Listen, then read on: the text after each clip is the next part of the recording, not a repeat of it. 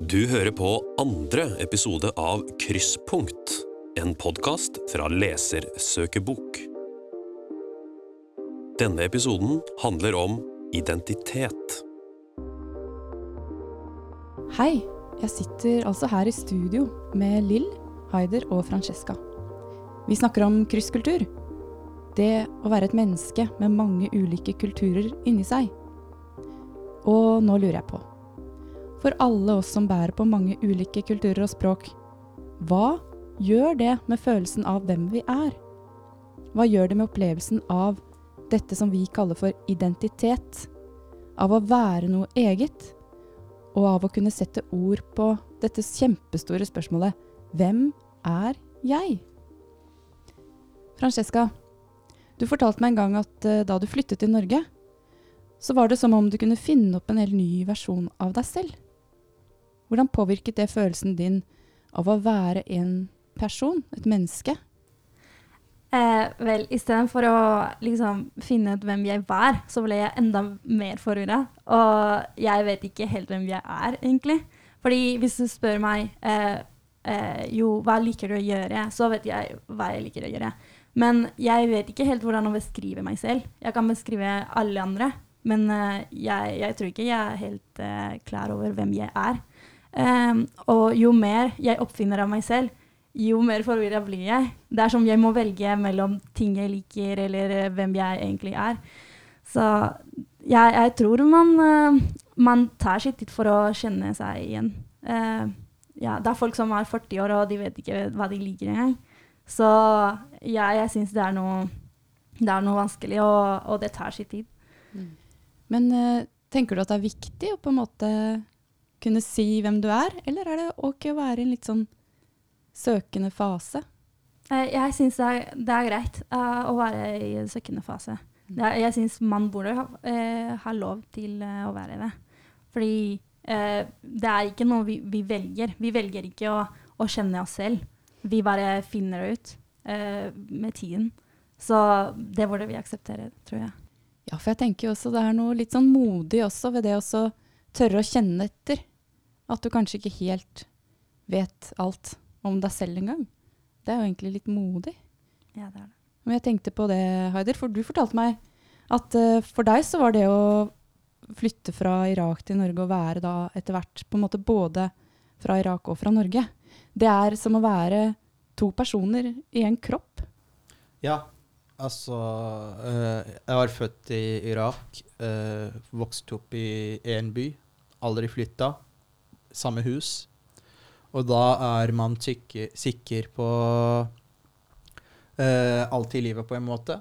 Det er det, det er det, det er sånn verden er. Det er sånn folk er. Vi snakker arabisk. Går til moské hver fredag.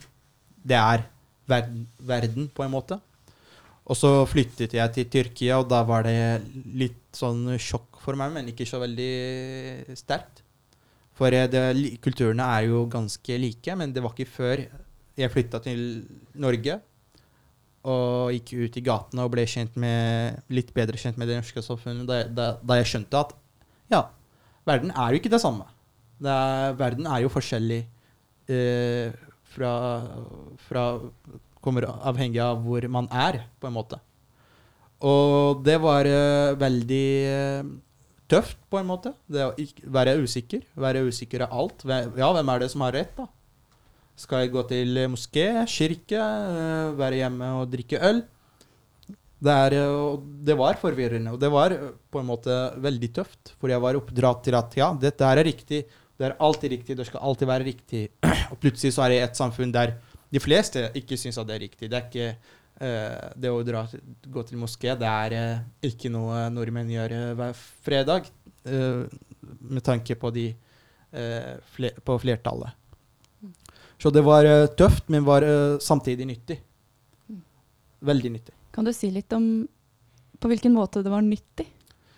Ja, altså, jeg sitter her og prater med dere, og jeg har aldri klart å være det mennesket jeg er nå hadde jeg ikke blitt kjent med perspektiver som er veldig forskjellige fra mine egne. Så egentlig så vil du si at det på en måte hjalp deg litt med å, å uh, se en mer av deg selv? Ja, jeg vil uh, si at det har uh, hjulpet meg å bli et annet menneske. Endre meg selv til noe bedre. Noe som passer meg mer. Veldig fint, Heidi. Lill, du har jo skrevet om akkurat dette i, i boka di, eh, 'Identitet og tilhørighet', om ressurser og dilemmaer i en krysskulturell oppvekst. Og I denne boka så skriver du om hvor krevende det kan være å leve med dilemmaer. Ehm, og hva det kan gjøre med identiteten, da, opplevelsen av det. Kan du si litt om det? Ja, altså det er jo akkurat det som blir sagt her, at man eh, Hele virkeligheten din består jo da gjerne av motsetninger. Ulike forventninger eh, som du skal forsøke å sjonglere og stå i en slags spagat imellom.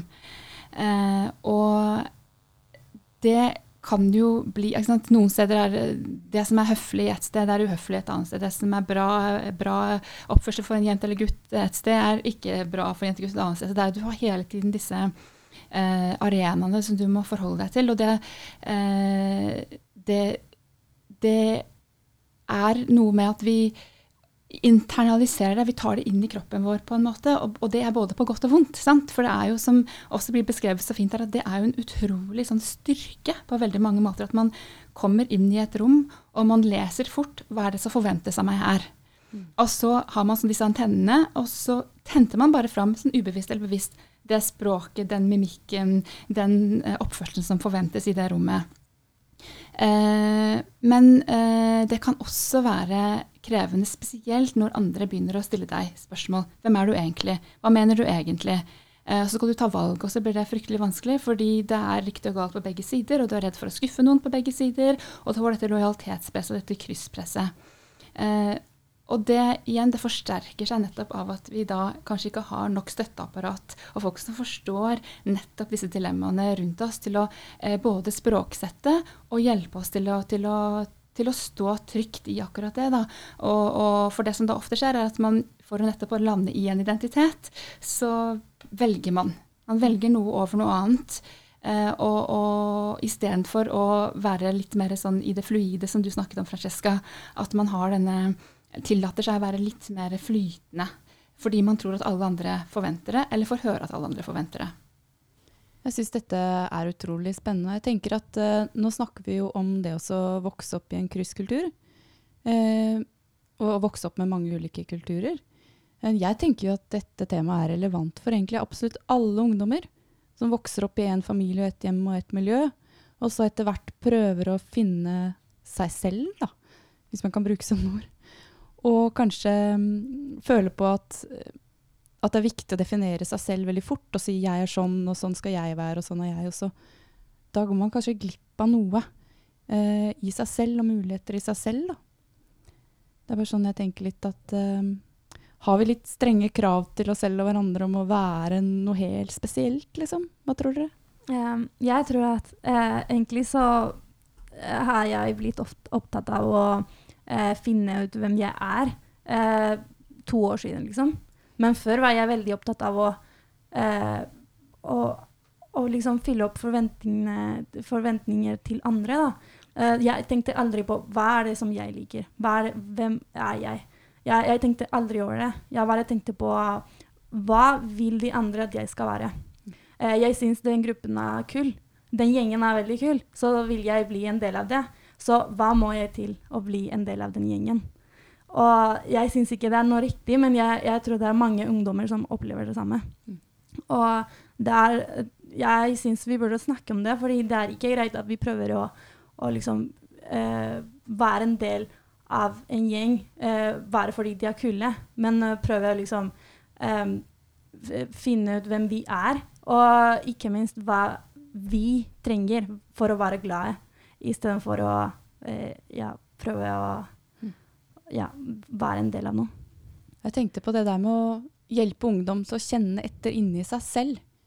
Um, er det noe som det burde vært mer fokus på? Hva tenker du, Heidi? Ja, altså ungdom det, jeg, jeg, har, jeg, ble 20 for en måned siden. Så det er Jeg har gått gjennom alle ungdomsårene mine. Og jeg vet at det er vanskelig. Eh, det er vanskelig å være ungdom generelt, og det er vanskelig å være ungdom Og flerkulturell.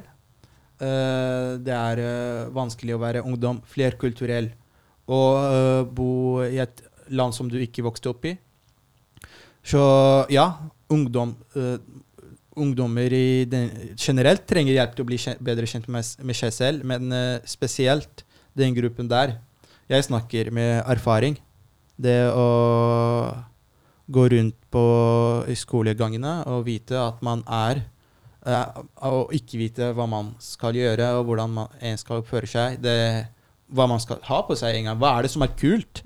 Hvilke type klær er de som er kule? Hvilke type klær er de som kommer til å få meg en kjæreste? Eh, hva skal jeg gjøre? Ja, absolutt. Ungdommer trenger hjelp til det. Og det som eh, jeg trengte, i hvert fall, var å bli tatt eh, imot, på en måte. Som jeg ikke opplevde uh, da jeg gikk på skolen. Uh, det å snakke om disse temaene som vi snakker om nå, som jeg heller ikke opplevde uh, på skolen. Det var mest matte og samfunnsfag og regler og lover. Alt mulig informasjon, men lite om det som faktisk preg, preget meg og var, spilte en stor rolle i det hverdagslige livet mitt. Tusen takk for at vi kunne høre på disse utrolig viktige erfaringene. Og jeg håper at eh, det er mange som kan ta med seg dette inn i klasserommene og snakke mer om identitet og hvem vi er, og det å kunne få lov til å være på leting. Takk til eh, Francesca Savalli, Lill Salole og Haider Juma som er med meg i studio her i dag. Og jeg heter altså Hanna Bovin Bugge og jobber i Leser søker bok. Du har hørt på andre episode av Krysspunkt, en podkast fra Leser søker bok.